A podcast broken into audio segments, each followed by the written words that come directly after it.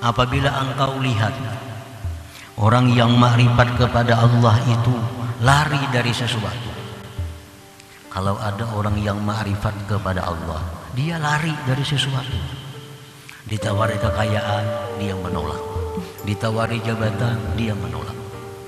Nah itu mereka lakukan irsyadun lil ummah untuk memberi pelajaran kepada umat memberi pelajaran kepada orang-orang yang belum sampai kepada kedudukan ma'rifat bukan mereka takut itu menghalangi mereka dari Allah subhanahu wa ta'ala. Nah para muhibbin rahimakumullah Rasulullah sallallahu alaihi wasallam ditawari oleh Allah bahwa gunung ini jadi emas. Beliau menolak bukan beliau takut bahwa itu mengganggu hubungan beliau dengan Allah bukan.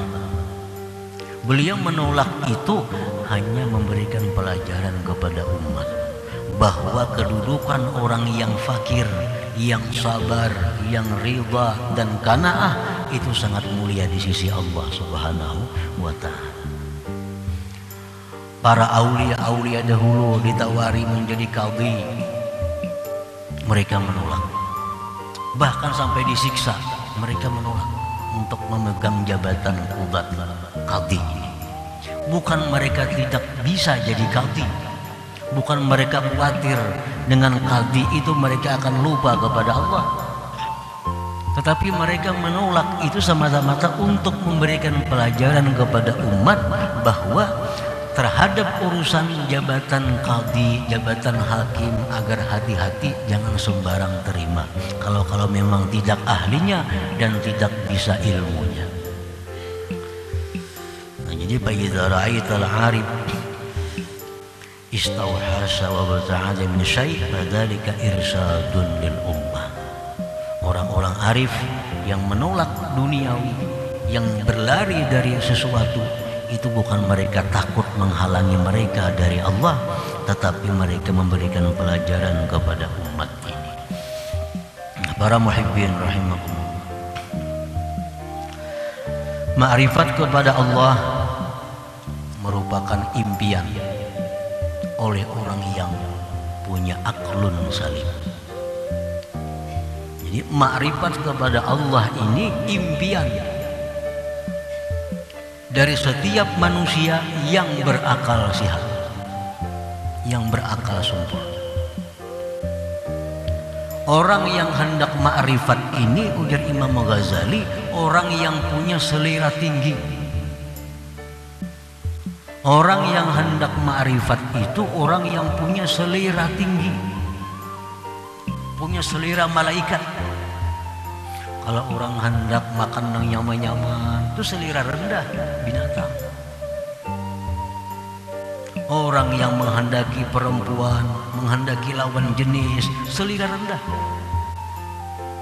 Kalau keinginan kita hanya untuk makan, minum, keinginan kita untuk kawin, memuaskan nafsu, hanya itu keinginan kita, keinginan hewani yang ada pada diri kita keinginan rendah sama dengan ayam sama kambing. Nah tapi kalau dalam hati kita ada minat dalam hati kita ada keinginan dalam hati kita ada hasrat untuk ma'rifat kepada Allah nah ini baru laki-laki. Ini baru manusia. Ini baru orang yang punya akal sehat nah, selama ini kita hidup nih berapa puluh tahun ada ada keinginan kita untuk makrifat kepada Allah. Nah, kalau akal kita masih akal kekanakan, akal akal akal halus, ada ingin itu, ada ingin. Bahkan Imam Ghazali mengatakan bahwa itu orang imputin. Orang yang kada hendak makrifat itu orang imputin. Orang lemah syahwat orang lama sahabat tuh kepingin lah kawin. Ada kepinginnya karena lama sahabat. Ada kepingin kawin. Ditawari perempuan yang cantik yang bungas ada di akhiran karena lama sahabat. Kalau disuruh itik panggang dihantamnya sate jantamnya nah ini orang yang punya selera hewani. Jadi jangan sampai kita masuk golongan orang yang selera hewan ini. Kada perlu kita iri orang-orang yang bergelimang harta, yang ke sana kemari turun naik pesawat, turun naik restoran hotel, kada perlu iri hati. Itu orang kafir bisa, orang murtad bisa.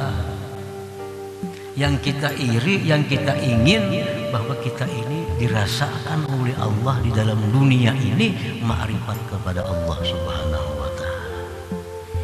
Ini yang dikatakan oleh ulama inna fid dunya jannah wa man lam yastaq ila jannatil akhirah. Di dalam dunia ini sebenarnya ada surga. Siapa masuk ke surga itu dia tidak ingin lagi surga di akhirat.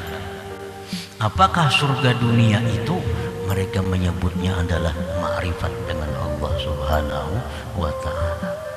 Nah, jadi ini yang kita ingini. Kita menuntut ilmu itu yang kita ingini agar kita bisa ma'rifat kepada Allah. Ma'rifat bukan hanya ilmunya, bukan hanya pandirnya. Karena ada kitab ilmu ma'rifat ada, yang kita hafal lihai memanjirakan itu. Kitab ilmu ma'rifat banyak, yang Latin ada, Melayu ada. Kalau kita menguasai itu, kita bisa menceritakan, bisa mengisahkan, menjabarkan. Tapi yang kita maksud bukan itu. Yang kita tuju adalah kita diberi Allah bagaimana rasanya orang yang ma'rifat dengan Allah itu. Apa contohnya orang ma'rifat dengan Allah? Dia melihat sesuatu bahwa itu adalah perbuatan Allah. Itu adalah kehendaknya Allah. Itu adalah tanda bagi adanya Allah Subhanahu wa taala. Nah, kalau itu ada dalam hati kita, berarti kita selalu dekat dengan Allah. Selalu dekat dengan Allah. Dekat dengan Allah itu merupakan puncak kenikmatan. Tapi bagi orang-orang yang aklun salim, bagi orang yang akal sehat. Sulit ini akal kita ini kurang sehat ini masalahnya. Akal kita kurang sehat. Kita itu nyaman kalau ada makanan yang nyaman. Kita nyaman kalau ada orang-orang yang kita sukai. Nah akal kita hanya sebatas itu. Andai kata akal kita sehat, nah kita tentu ingin dekat dengan Allah Subhanahu wa taala. Nah, sehingga melihat taat itu tertentu dijadikan berbagai macam bentuknya dan bukti keasaannya pada waktu-waktu karena tertentu. tiga keadaan. Karena tiga. Fa innal faraidha yamtani'u fi Yang pertama, ghairi yastari